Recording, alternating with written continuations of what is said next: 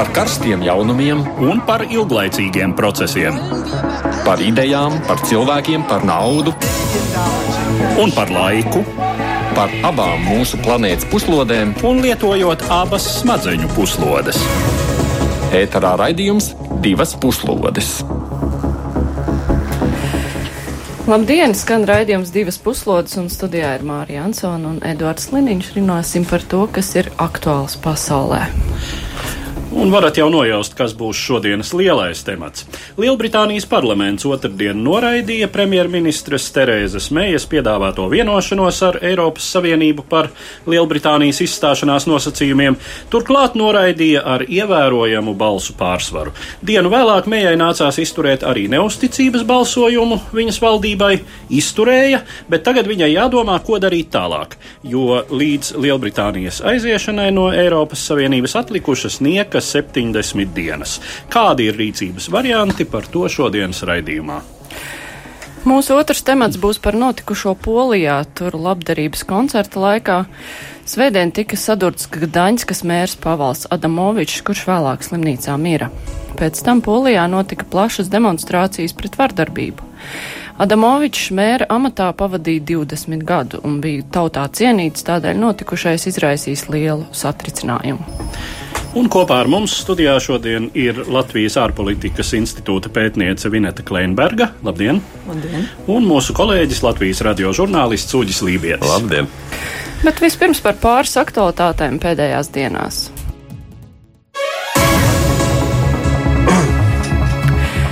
ASV valdības darbs joprojām ir paralizēts. Prezidenta Donalda Trumpa mēģinājums pārliecināt mēreni noskaņotos demokrātus finansējumu mūru celšanai, piešķirt finansējumu mūru celšanai uz robežas ar Meksiku, ir beidzies bez panākumiem. Trumps šodien rīkoja lietišķas pusdienas ar republikāņiem un demokrātiem šī jautājuma apspriešanai, bet neviens no demokrātiem uz tām neieradās. Ļefortovas apgabaltiesā Maskava Maskavā pagarināts arests 24 ukraiņu jūrniekiem, kas tika novembrī sagūstīti Melnajā jūrā.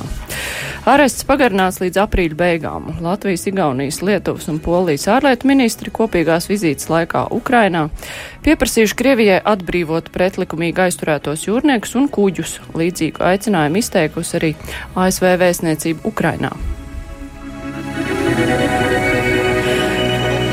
Vācijas galējo, galēji labējo partijas alternatīva Vācijai nolēmusi sākt kampaņu, lai prasītu Vācijas izstāšanos no Eiropas Savienības, ja netiks realizētas partijas pieprasītās reformas. Viena no partijas prasībām ir atteikties no Eiropas parlamenta kā likumdevēja. Partijas valdes līdzspriekšsēdētājs Aleksandrs Galants uzsver, ka partija grib nevis likvidēt Eiropas Savienību, bet atgriezt to pie bloka saprātīgās pamatīdējas. Francijas prezidents Emanuels Makrons sācis tā dēvētās lielās debatas, proti regulāras tikšanās ar iedzīvotājiem un amatpersonām. Tās plānotas triju mēnešu garumā un ar mērķi mazināt spriedzi, ko radījuši dzelteno vestu protesti. Pirmajās debatēs Makrons uzsvēra, ka protestu izraisītā krīze ir devusi iespēju īstenot dziļākas reformas, un viņš solīja jau šogad reformēt pensiju sistēmu un padarīt to taisnīgāku. Ne tikai Latvija, bet arī Zviedrija ir ilgstoši, nu jau četrus mēnešus, bez valdības. Rīt ir paredzēts balsojums par jauno valdību līdzinējā premjera sociāldemokrātu līdera Štefana Lēvena vadībā. Kreisā partija, kurai ir tikušas izšķirošās balsis, sola atturēties, kas nodrošinās valdības apstiprināšanu. Bet nu par sākumā minētajiem tematiem plašāk - tātad Brexit un balsojums Britu parlamentā. Ļoti iespējams, aizvadītās divas dienas bija saspringtākās Britu premjerministras Terēzes Mejas karjerā. Aizvakar vakarā parlaments ar nomācošu 230 balsu vairākumu noraidīja vienošanos par izstāšanos no Eiropas Savienības, kuru ar tādām pūlēm bija panākusi premjera un viņas kabinets. Šis ir smagākais fiasko, ko kāda Britu valdība cietusi teju simts gadu laikā, ievērojot, ka izstāšanās process ir faktiski Mejas kabineta pastāvēšanas iemesls un mērķis. Kā likumsakarīgs turpinājums 15. janvāra balsojumam bija vakar notikušais uzticības balsojums Mējas valdībai, kuru tā izturēja ar 19 balsu pārsvaru. Tagad kabinetam līdz pirmdienai jāsagatavo un jāceļ priekšā parlamentam turpmākais rīcības plāns. Kāds tas varētu būt?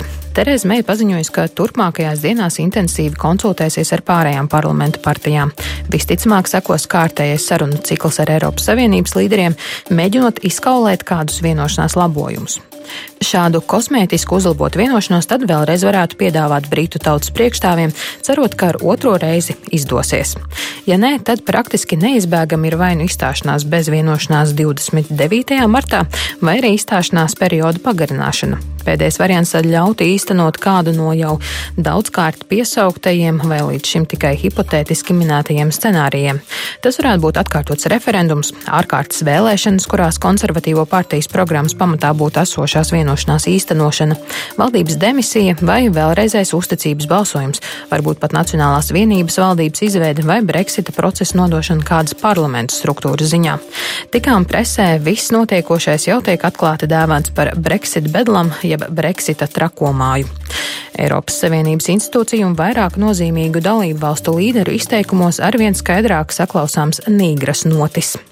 Francijas prezidents Emanuels Makrons, uzstādamies pilsētu mēru kopsapulcē Normandijā, raksturoja 2016. gada referendumu par Lielbritānijas izstāšanos kā manipulācijās un viltu ziņās balstītu. Viņš teica, cilvēkiem ir samalots un viņi ir izvēlējušies neiespējamo. Vēlu veiksmi tautas priekšstāviem, kuriem jāīsteno tas, kas nevar būt, un jāieskaidro tas ļaudīm.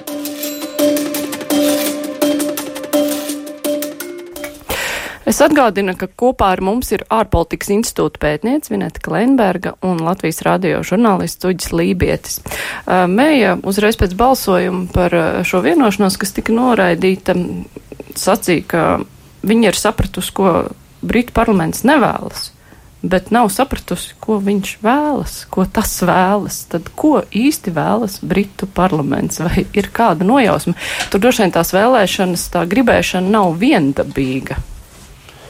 Nu, tur tā lieta, ka Britu parlamentā ir gana daudz deputātu, kuriem ir dažādas vēlmes, un pret uh, Terēzes Mejas panākto vienošanos balsoja gan tie, kuri nevēlas Brexitu kā tādu, un līdz ar to vēlas saglabāt cerības vai nu uz atkārtotu referendumu, vai uz citu variantu, kas Brexitu vispār atceltu, pavērstu šo procesu atpakaļ, vai arī pret bija tie, kuri uzskata, ka mm, premjerministrs panāktā vienošanās ir pārāk maiga, un eh, tas nav tas Brexits, par kādu Britu tauta ir balsojusi, ka tam būtu jābūt striktākam, tā sacīt, kā to mēdz dēvēt, cietākam Brexitam. Um, nu, ar šiem abiem spēkiem visumā, tur, protams, ir vēl nianses, kuras ir raksturīgas, piemēram, tai pašai uh, Ziemeļīrijas unionistu, un, unionistu partijai, kas ir Uh, koalīcijas partneris uh, Terēzes Mejas torijiem parlamentā, kuriem ir īpašas rūpes par Ziemeļīrijas statusu. Um, nu, savukārt, cits noskaņojums šajā pašā sakarā ir um, īru nacionālistiem no Sinn Fein, um, savas nianses Skotu nacionālistu partijai. Um, liberālie demokrāti, kā zināms, kopš paša sākuma ir Brexit pretinieki, bet nu, galvenais uh, Galvenais faktors jau, protams, ir lielākā opozīcijas partija, un tie ir leiboristi. Un uh, īsti nevar saprast, vai leiboristus joprojām, vai leiboristi joprojām, piedodiet par šo izteicienu, ir iebraukuši tēmā, uh, ka tas attiecas ne tikai uz Lielbritāniju, bet attiecas uz visu pārējo Eiropu, un ka vispār Lielbritānija šobrīd Eiropā uzvedas, nu, negribētos pat teikt, kā Eh, kašķīgs pusaudzis, bet gribētos teikt, kā mazliet marazmātiska tantiņa. Nu, labi, bet tas jau katram politiķim ir gandrīz goda lieta, ka savā valstī es eh, uzvedos savai valstī pa labu, nedomājot par to, kas ir apkārt. Vai tiešām?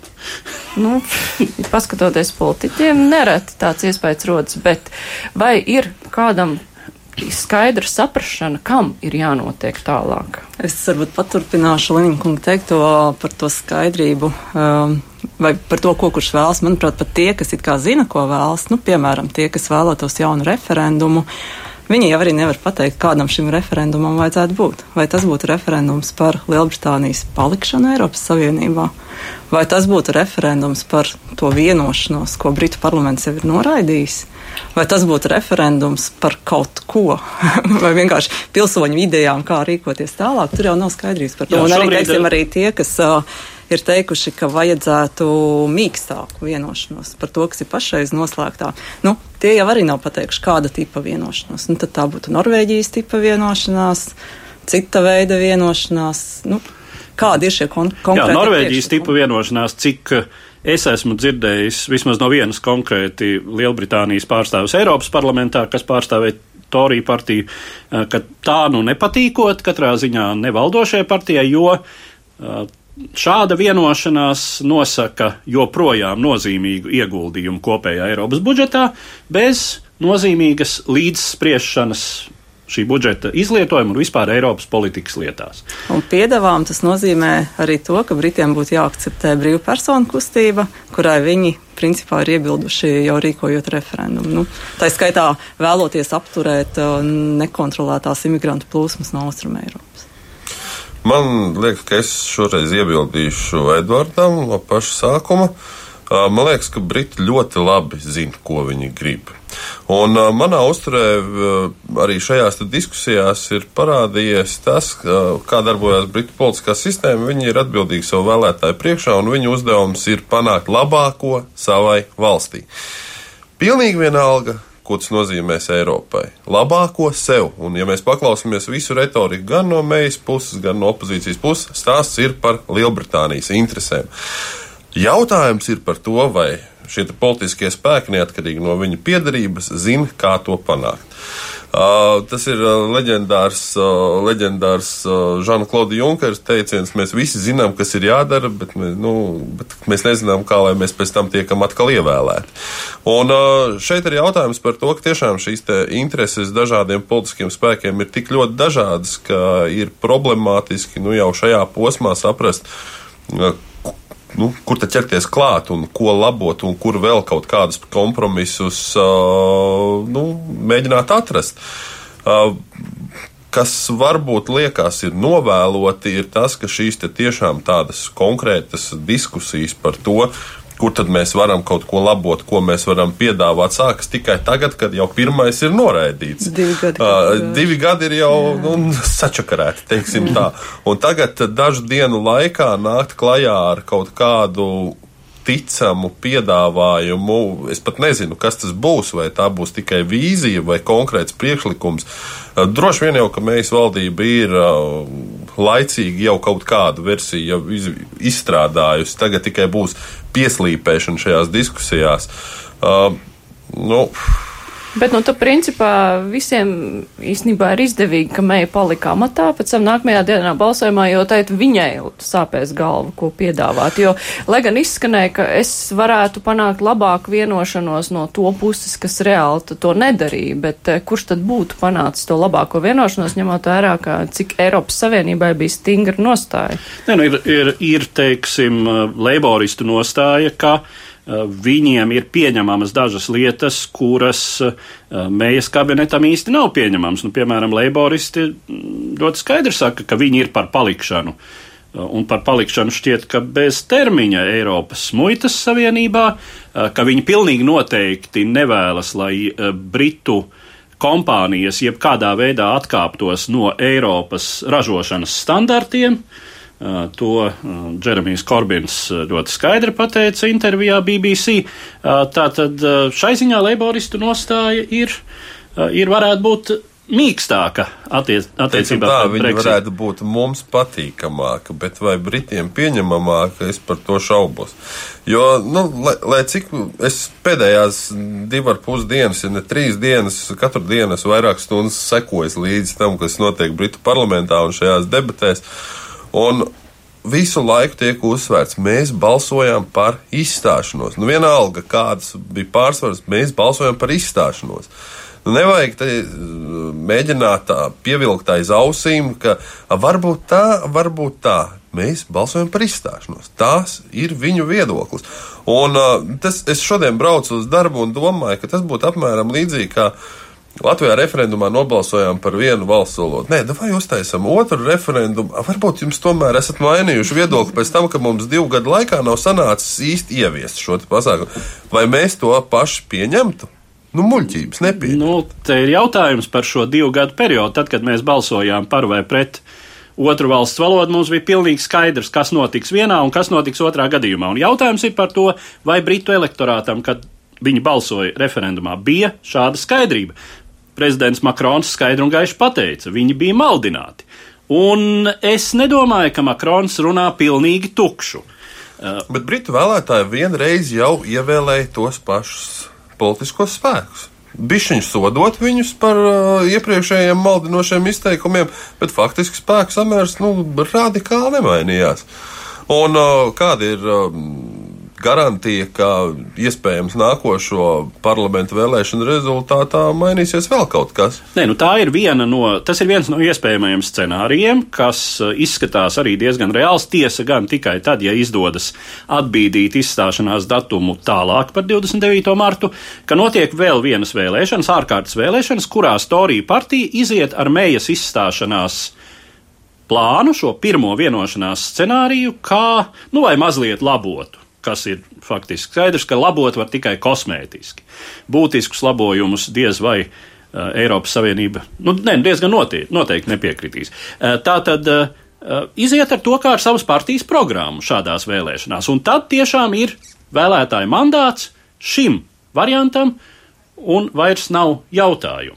Tas ir viens risinājuma variants, bet uh, kā vēl vairākiem citiem iespējamiem risinājumu, variantiem, šeit ir viens tas priekšnosacījums. Izstāšanās datumam ir jābūt vēlāk nekā 29. martā. Jā, par uh, Britu sabiedrības noskaņojumu mums ir iespēja vaicāt. Uh, mēs esam sazvanījuši Londonā dzīvojuši juristi Inese Jugbo. Ines, sveiki, jūs dzirdat mūs? Sveiki, jā, dzirdat. Jā, kāds tad ir eh, Britu sabiedrības noskaņojums? Tas, ko mēs ziņām, ziņās redzēja, ka cilvēki iepērk pārtiks un zāļu krājumus, bet eh, kopumā vai ir satraukums par notiekošo vai interese, vilšanās, kā raksturot eh, to, kā cilvēki uztver to, kas notika parlamentā? Es domāju, ka ir pilnīgi noteikti ļoti daudz dažādi um, viedokļi un, un liels mulsums pilnīgi visās frontes pusēs um, loģiski, ka tie, kas mēs esam um, Eiropas Savienības pilsoņi, kurus ļoti var ietekmēt šis lēmums, ir vairāk satraukušies uh, paši vietējie, nu kā nu kuri kuriem ir kaut kādas ciešākas saites ar Eiropas Savienību, tie ir vairāk satraukušies, kuriem mazāk ciešas. Um, tie, tiem, tiem nav, nav īsti liels uztraukums. Vēl ir daudzi, kas saka, ka viņiem ir ir tikai noteikts daudzums Brexit sarunu, ko viņi spēj izturēt, un, un, un smadzenes jau pamazām atsakās no visu šī bardaka, um, nu, sekot līdzi, jo, jo nu, tas, kas šobrīd notiek, ir tas, ka nu, notikumi mainās pa, pa, pa ļoti, ļoti strauji, un neviens īsti nezina. Um, kas īsti notiks, bet nu, tie scenāriji ir daudz un dažādi. Bet ne, nu, neviens no viņiem īsti neizskatās uh, rožains un priecīgs, ne, ne no vienas perspektīvas. Tā kā Tā kā, nu, es domāju, tāds liels apmulsums vis, visās frontēs. Bet vai jūs esat satikusi cilvēkus, kuri tagad atzīst, es nesapratu, par ko es balsoju, es tiku maldināts? Nu, redziet, mēs katrs dzīvojam kaut kādā savā tajā burbulī, un loģiski, ka man apkārt, nu, pirmām kārtām es dzīvoju Londonā, kur tā teikt, ar lielāko pārsvaru visi balsoja par palikšanu Eiropas Savienībā.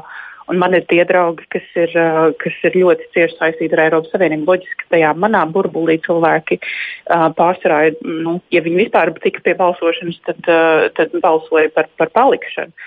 Man nav sanācis tādas sarunas ar, ar cilvēkiem, kas tā ļoti vēlējās izstāties un ka viņi būtu ļoti vīlušies.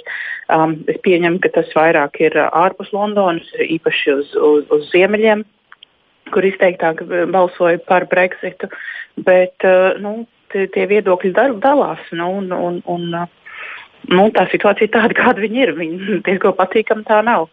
Bet uh, runājot par Eiropas Savienības pilsoņiem, citu valstu pilsoņiem, kas dzīvo Lielbritānijā, 29. marts, ja viss notiek šajā datumā un bez vienošanās, vai cilvēkiem ir skaidrs, kas viņiem būs jādara? pēc šī datuma? Nē, pilnīgi noteikti nē, jo um, es pat teiktu, ka ir ļoti daudz un dažādas uh, savstarpēji izslēdzošas informācijas, kas ir pieejamas. Ja visu laiku Eiropas Savienības pilsoņiem tika teikts, ka mums ir jāgatavojas um, tam statusam, kas saucās settled status, kas loģiski ir daļa no šīs vienošanās, kas tika, tika slēgta ar, ar Lielbritāniju, ka visiem Eiropas pil Savienības pilsoņiem tiks, tiks dot šī, šī iespēja pieteikties šim statusam, bet uh, iespēja pieteikties šim statusam ir no 30, no vi, dažiem tag, tagad ir izņēmuma kārtībā, bet no nu, pārsvarā visiem cilvēkiem ir iespēja šim statusam pieteikties tikai no 30. marta. Tas būtu pēc uh, Brexit izstāšanās laika.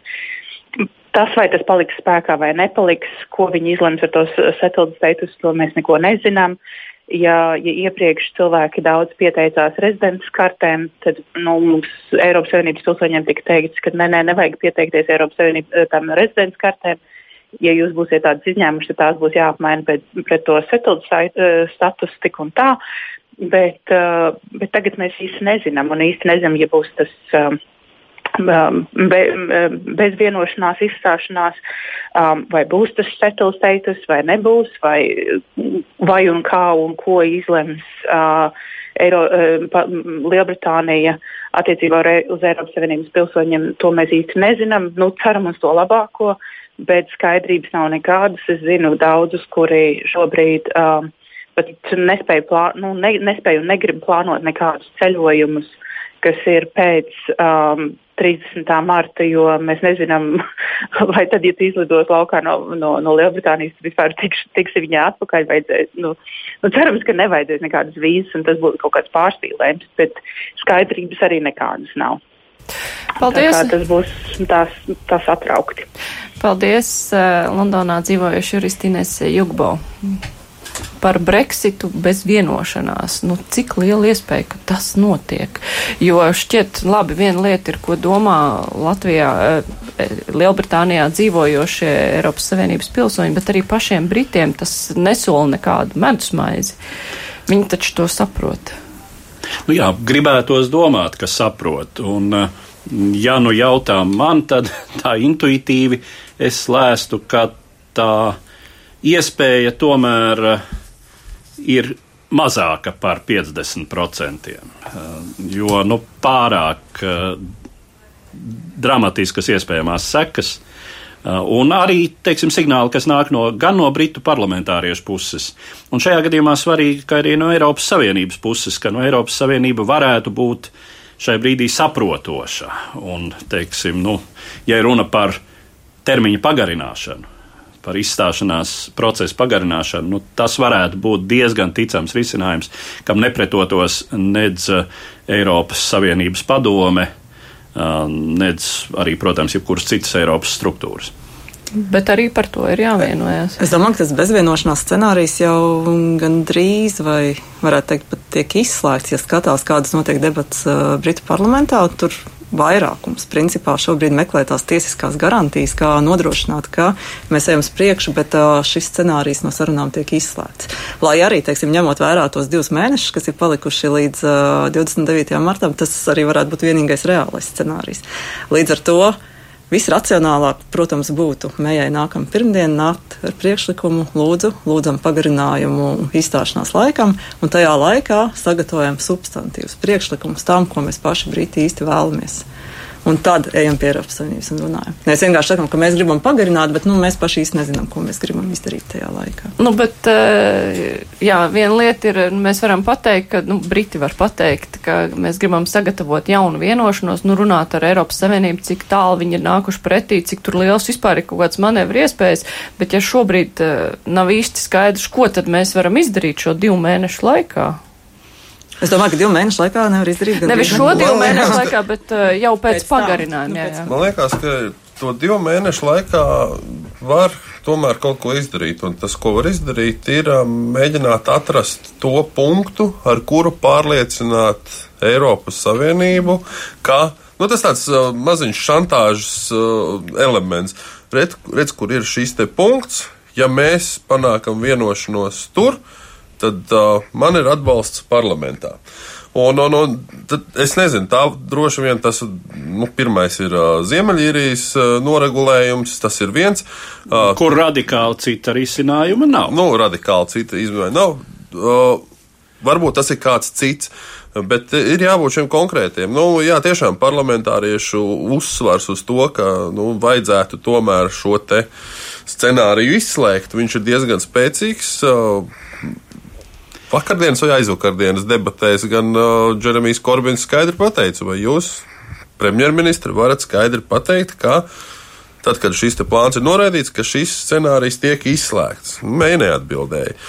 Nu, viņiem gan ir abiem diviem tur viens otrs jautājums, uz kuru viņi vienkārši izvairās atbildēt. Tāpat kā Meija uzdod jautājumu, vai ar jaunu vēlēšanu gadījumā, vai Korbins turpinās aģitēt par Brexit, uz ko viņš arī esot piecas reizes atteicies atbildēt.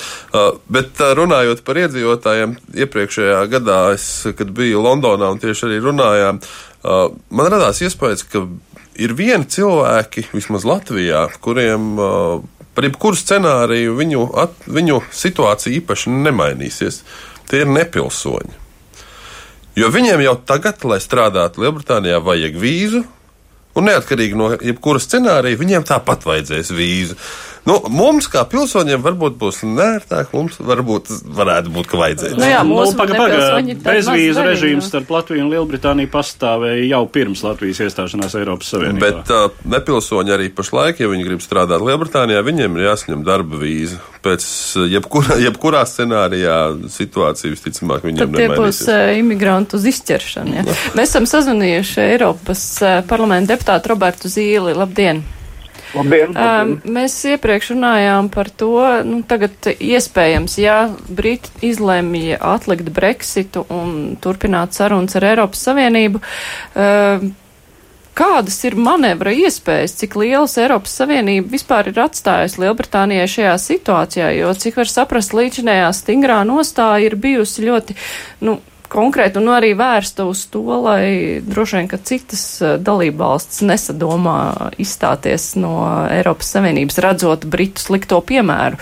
Cik stingra ir Eiropas Savienība savā pozīcijā un eh, cik gatava ir tā spērt kādu soli pretī, redzot eh, Britu nu, neapskaužamo situāciju? Nu, jāsaka, Strasbūrā šonadēļ bija um, sēde par šo jautājumu, un skaidrs, ka viņa uh, iezīmēja politisko viedokli no dažādām kreiso labējām partiju līderiem puses un arī no komisijas puses, tad varēja stabili redzēt to, ka ir cilvēki, kuri tiek sagaidīti ar aplausiem, kā Barņē sarunu vedējs, un, un skaidrs, ka arī Barņē pozīcija tāda, kas neaizslēdz visas durvis ciet. Un uh, gribu dzirdēt, vai šī pagarinājuma laikā, kas visdrīzākais būs aptuveni trīs mēneši līdz, līdz, tātad, līdz jūlijas sesijai Eiropas ievēlētam jaunajam Eiropas parlamentam, līdz pašam jūlijas sākumam vai līdz 30. jūnijam. Bet ir jāsaprot, ko šajā trīs mēnešu laikā var izdarīt. Un, uh, Savukārt no citiem līderiem bija acīm redzama vēl politiska spēle. Tā skaitā man jāsaka no sociāldemokrāta spicena kandidāta, Eiropas nākošās komisijas priekšsēdētāja kandidāta um, um, bija tāda diezgan asa reakcija, ka mēs nemainīsim mūsu pozīciju attiecībā uz īriju šo tā saucamo backstopu. Kas faktiski sadala apvienoto karalisti. Un tas, protams, Lielbritānijas lielākajai daļai politiķi nav pieņemami. Tā kā es paredzu, ka visdrīzākais būs tas, ko mans uh, labs kolēģis, uh, Britu delegācijas vadītājs, Britu konservatīvais jau pirmdien teica, kā tas varētu attīstīties vēl pēc pirms otrdienas un trešdienas notikumiem, ka visdrīzākais būs šis pagarinājums. Uh, Mēja atradīs citāda veida atbalstu un, un mēģinās uh, daļu no šīm uh, pašlaik nesatricināmā līguma, bet daļu no šīm lietām tomēr Eiropas kontinentālās Eiropas, Eiropas Savienības politiķis uh, mazliet panāk pētīt, īpaši Ziemeļīrijas īrijas jautājumā. Uh, jo, ja to dara tā, ka sadala apvienoto karalistu atbalstu Ziemeļīriju prom, tad tas nerada mieru. Uh, īrijas, īrijas, Ziemeļīrijas attiecībās, uh, zinot to vēstures attiecību, tas nav labs risinājums. Līdz ar to tādu cilvēku kā Barņē eh, atbalstu iegūstot no Berlīnes, kur var dzirdēt jau vairāku ministru atbalstu šim pagarinājumam un, un, un Britu uzklausīšanai, es tomēr esmu pozitīvi noskaņots, ka šī um, tā saucamā um, līguma 50. pānta pagarinājuma laikā var atrast kompromisu arī no Eiropas puses vai paspēt soļus. Tajā vakarā, kad Brita parlaments balsoja par šo vienošanos un noraidīja eh, no dažādām pusēm, tajā skatā Eiropas Savienības amatpersonu puses izskanēja tādi bikli pieņēmumi, ka varbūt Briti tomēr apdomāsies, uztaisīs jaunu referendumu? Nē, nē, tāds... es domāju, ka šāds jautājums nepastāv. Es, es neredzu veidu, kādā veidā tas var notikt. Jo, nu, iedomājieties, arī tagad šis lielais pārsvars, kas bija otrdienas balsojumā Westminsterē, uh, tomēr bija ļoti liels. Tur balsoja krustām šķērsām tie, kas bija referenduma laikā Britu konservatīvā, piemēram, par palikšanu Eiropas Savienībā. Viņi tagad arī balsoja pret šo līgumu punktu, liela daļa no viņiem. Tur ir ļoti dažādas kombinācijas, bet kopumā es domāju, tā nevar šo situāciju. Tas ir ļoti riskants solis pret, pret nācijas, nu, kā lai saka, pašcieņu un daudzām citām lietām. Kas ir izlemts, tas ir izlemts jautājums.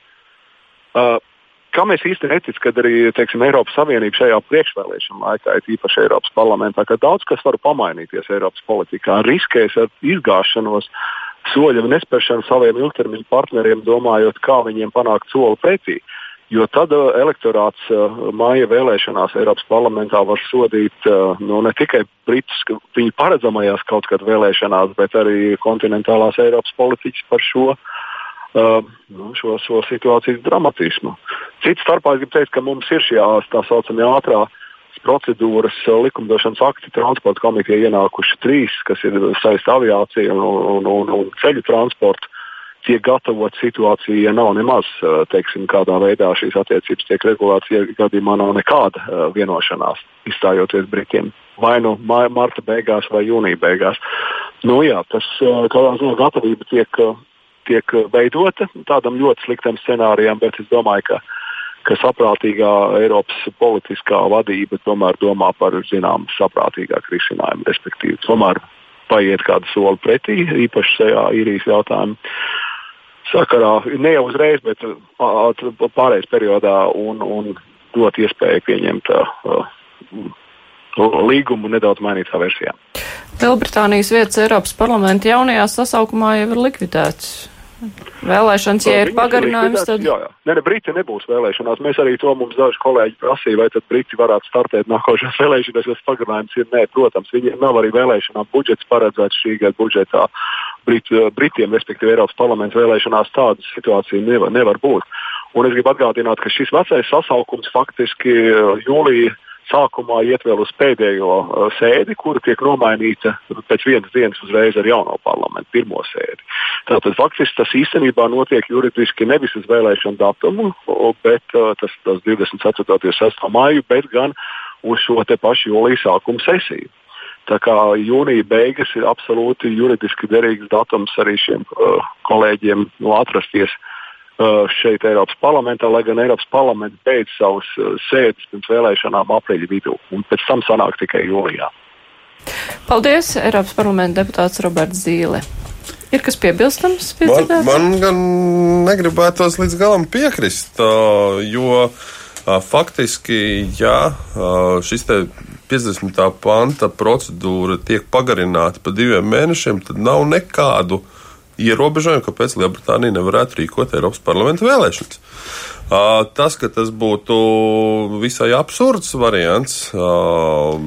Tas, Politiski jā, bet juridiski. Juridiski nav nekādu aizliegumu. Un, ja nemaldos, es rīt no rīta varēs klausīties arī interviju. Viens uh, britu eksperts saka, ka arī faktiski pagājušajā gadā Eiropas komisija savās uh, rekomendācijās ir atzinusi par to, ka jā, ja viņi tiks ievēlēti, viņi var sākt strādāt līdz tam brīdim, kamēr Lielbritānija pamet, tad gan viņu vietas tiek pārdalītas un viņiem ir Eiropas parlaments jā, jāpamet. Jā, bet tas, protams, rada lielus sarežģījumus, jo ir jau daļa britu vietu sadalītas, tad ir jautājums, kas tad notiek, vai tad savukārt paredzētie uh, papildu deputāti no vairākām Eiropas valstīm, sākot ar Franciju, Spāniju, beidzot ar Igauniju, gaida uh, uz tām vietām. Latvijai šīs situācijas nav, mūsu deputātu skaits nemainās, bet uh, no nu, tas, protams, būtu vēl ļoti interesants temats, kā varētu uh, kā tas viss varētu risināties Eiropas parlamentu vēlēšanu sakarā.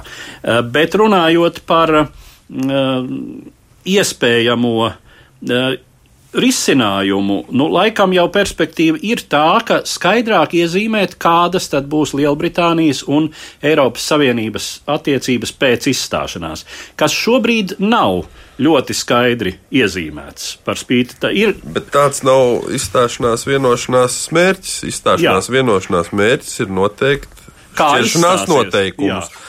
Jā, Turmākās attiecības jā. paredzēs nākošā vienošanās, kas tiks jā.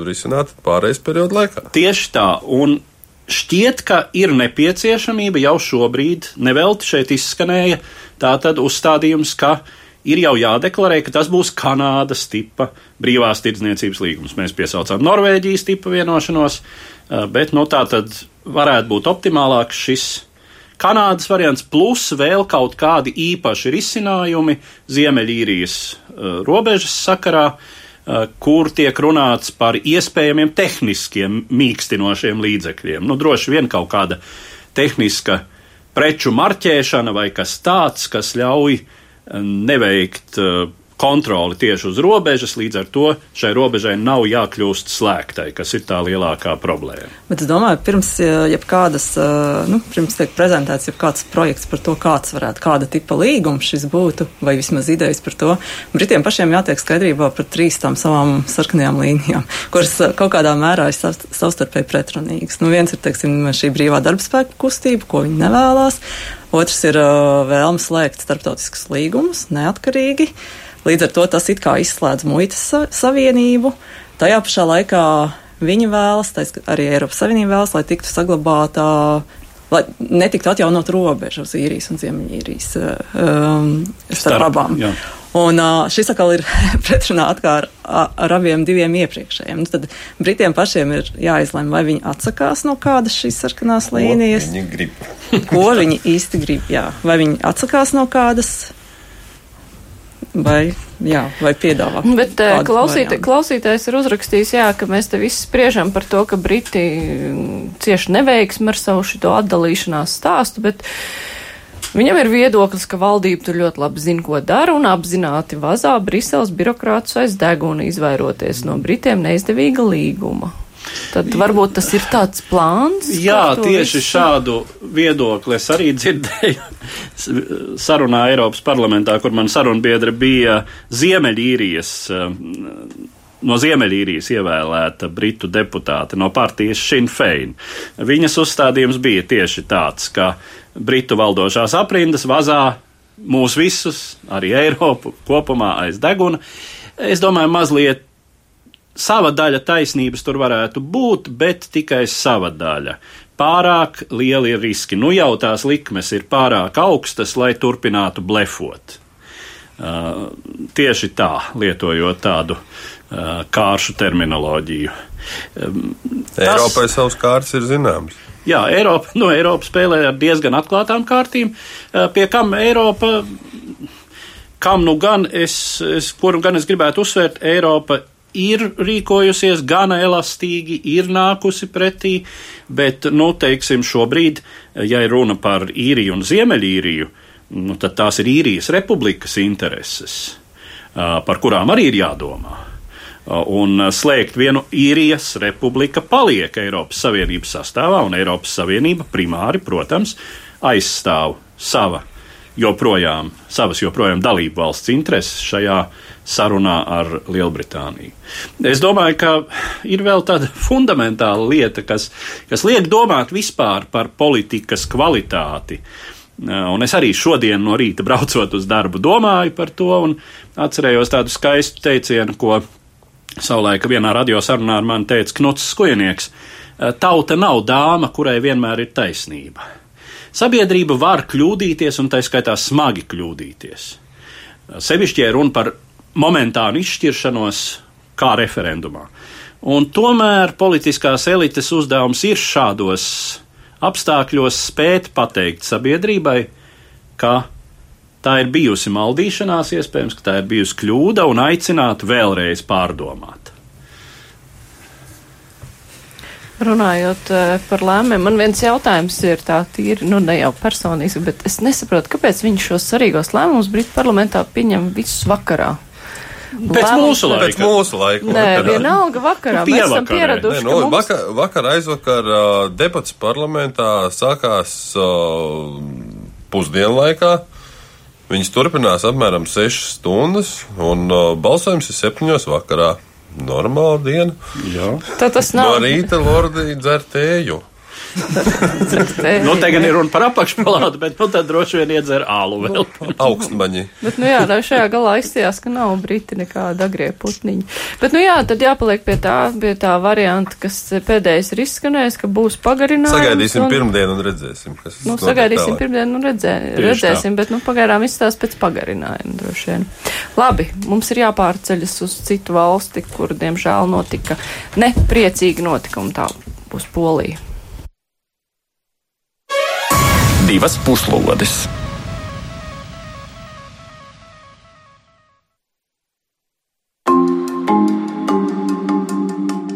13. janvārī Polijas ostas pilsētā Gdaņskā notika organizācijas Lielais Ziemassvētku labdarības orķestras ikgadējais fināla pasākums. Uz skatuves līdz ar citiem bija arī ilgadējais Gdaņskas mērs partijas pilsoniskā platforma politiķis Pavels Bogdans Adamovičs. Svētku salūta laikā pie mēra pienācis kāds vīrietis un trīs reizes iedūrs viņam ar nazi vēderā un sirds rajonā. Pēc tam uzbrucējs paķērs mikrofonu un paziņoja, ka esot ticis nepamatoti notiesāts un ka cietumā viņu spīdzinājuši ļaudis no mēra Adamoviča pārstāvētās pilsoniskās platformas. Nākamajā dienā Pavels Bogdans Adamovičs slimnīcā mira. Uzbrucējs, kura pilns vārds netiek minēts, izrādījies 27 gadus vecs, vairāk kārt krimināli sodīts Gdaņskas iedzīvotājs, kurš nesen atbrīvots pēc 5,5 gadus ilga cietumsoda. Cietumā viņam diagnosticēta paranoiskā šizofrēnija, veikta terapija, taču pēc atbrīvošanas viņš ārstēšanos pārtraucis. Adamovičs bijis viens no prominentākajiem polijas politiķiem. Dzimis 1965. gadā Gdaņskā, kur viņa vecāki pārcēlušies no Viļņas. Jau ģimnāzijas gados Pāvils kopā ar vecāko brāli Piotru iesaistījās tobrīd nelegālās arodu organizācijās Solidaritāte darbībā. Pagājušā gadsimta 80. gadu otrajā pusē, kad Polijā valdošais totalitārais režīms ieviesa kara stāvokli un izvērsa represijas pret demokrātisko opozīciju, Pāvils Adamovičs bija starp pirmajiem disidentisko studentu grupu dibinātājiem. Pēc studiju beigšanas viņš kļuva par tiesību un valsts institūciju vēstures pētnieku, taču aktīvā darbošanās kustībā Solidaritāte loģiski noveda jauno zinātnieku pie politiskās darbības.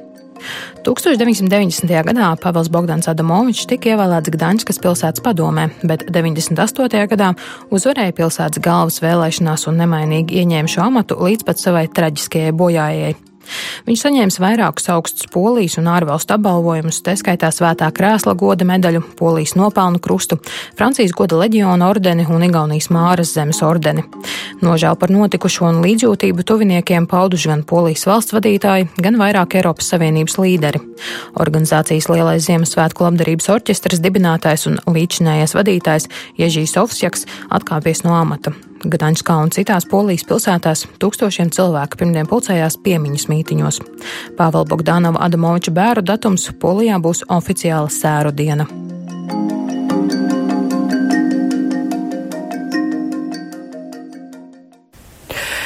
Ja mēs eh, paskatāmies uz šo traģisko notikumu, no vienas puses šķiet tā, ka ir notikusi traģēdija. Tāda, nu, nu jā, it kā politisku iemeslu dēļ, bet, nu, iesaistīts ir slims cilvēks. Kāpēc protesti? Kas izraisīja protestus gājienus, kas notika Polijā pēc šī notikuma? Droši vien, ka protestu fons vai konteksts ir uh, dramatiska politiskā pretstāve, um, pretstāve starp pie varas esošo um, Nacionālo konservatīvo partiju um, un nogalinātā pilsētas galvas uh, pārstāvēto um, liberālu centrisko spēku. Un, uh, jā, no vienas puses, slepkava ir psihiski slims cilvēks. Visticamāk, nu, ekspertīze ir, ir nozīmēta. Tā tagad lems par pieskaitāmību, nepieskaitāmību, bet, nu, ja jau reizi cietumā viņam ir šī diagnoze uzstādīta, tad ļoti iespējams, ka viņš tiešām nav psihiski vesels. Man jāsaka, Man atmiņā ir tā, tāda epizode no manas paša pieredzes, kad savā laikā es pavadīju vienu brīdi slimnīcā ar plaušu karsonu, un manā palātā bija viens cilvēks, kuram um, skābekļa trūkums organismā bija jau radījis uh, domāšanas īpatnības, un uh, viņam bija smaga paranoja. Uh, un viņam šķiet, ka medicīniskais personāls ir uh, ļaunie spēki, kas viņu tur gūstā un moka. Un viņa uztverē tie bija fašisti. Cilvēks latviešu nerunāja un dzīvoja tajā mm, mums zināmajā informācijas telpā. Un tāpēc šī klišeja, lūk, fašisti. Ja? Nevis citplanētieši, nevis spāņu inkvizīcija, bet tieši esesieši viņu mocīja. Nu, tas ir jautājums, kādu uh, televīzijas saturu slepkavi ir vērojis, atrastamies uh, cietumā, un vai tur arī polijas šobrīd pie varas esošās uh, politiskās konjunktūras visnotaļ kontrolētie mediji neveido cilvēkam zināmas klišejas, kuras liek viņam uzskatīt, ka, lūk, pilsoniskās platformas pārstāvis, prominents politiķis ir ļaunais, kuru vislabāk ir nogalināt. Nu jā, droši vien, ka slims cilvēks var atrast daudzus iemeslus, kāpēc viņam ir kādam jāuzbrūk, un turpat ideālākais sabiedriskais mēdījis neko nevar novērst. Bet tomēr sabiedrības reakcija pēc šī notikuma. Viena lieta, jā, ir tautā mīlēts politiķis, bet cita lieta iziet tādā gājienā pret vardarbību. Polijā nebija dzirdēts, ka. Ir viena vien nianses, kas šo pasākumu organizēja. Kas ir būtisks jautājums? Nē, no pasākumu organizēja likums un taisnīgums pie, val, pie varas esošā partija. Um, Es interesantiem ieteiktu izlasīt šajā nedēļā politiko izdevumā. Bija arī kolēģa, man zināmā, tāda Jana Čenska raksts par to, kā viss šis notikušais polijā ir vērtējams. Un šeit diezgan tiek atklāts vairākas lietas, kas varbūt no malas ir nezināmas. Viena lieta par tas, ka Adamovičs ir ļoti asi kritizējis valdošo likums un taisnīgums partiju, un līdz ar to arī nu, esošā vara pret viņu nav bijusi īpaši nu, teiksim, labās domās. Dažādas valstī īstenotās tieslietu, drošības reformas, arī mediju reformas uh, Kaut ko ir novedušas pie tā, ka arī šī labdarības pasākuma laikā tādam ietekmīgam lielas pilsētas mēram nebija nekādas apsardzes pilnībā. Vēl viena nianse, kas ir faktiski ir nu, aiz visa šī pamanāma, ir reliģiska šķelšanās, jo šī labdarības organizācija, kuras laikā tika vākt, nu, kas vāc šos līdzekļus, uh, Pēdējo gadu laikā viņa daudzās vietās, kur viņa darbojās, viņa savāca vairāk līdzekļu nekā katoļu baznīca. Un pēc šīs slepkavības pat esot bijuši vairāk katoļu mācītāji, kas ir atteikušies aizlūgt par Adamoviču nāvi. Un tad jau atkal tur tālāk, tie, skatoties, tur jau sāk faktiski aktualizēties jautājums arī par šo rudeni gaidāmajām parlamentu vēlēšanām arī uz Adamoviča šo piemiņas pasākumu, kur atkal izpaudās poļu sabiedrības spēja sanākt kopā neatkarīgi no politiskiem viedokļiem.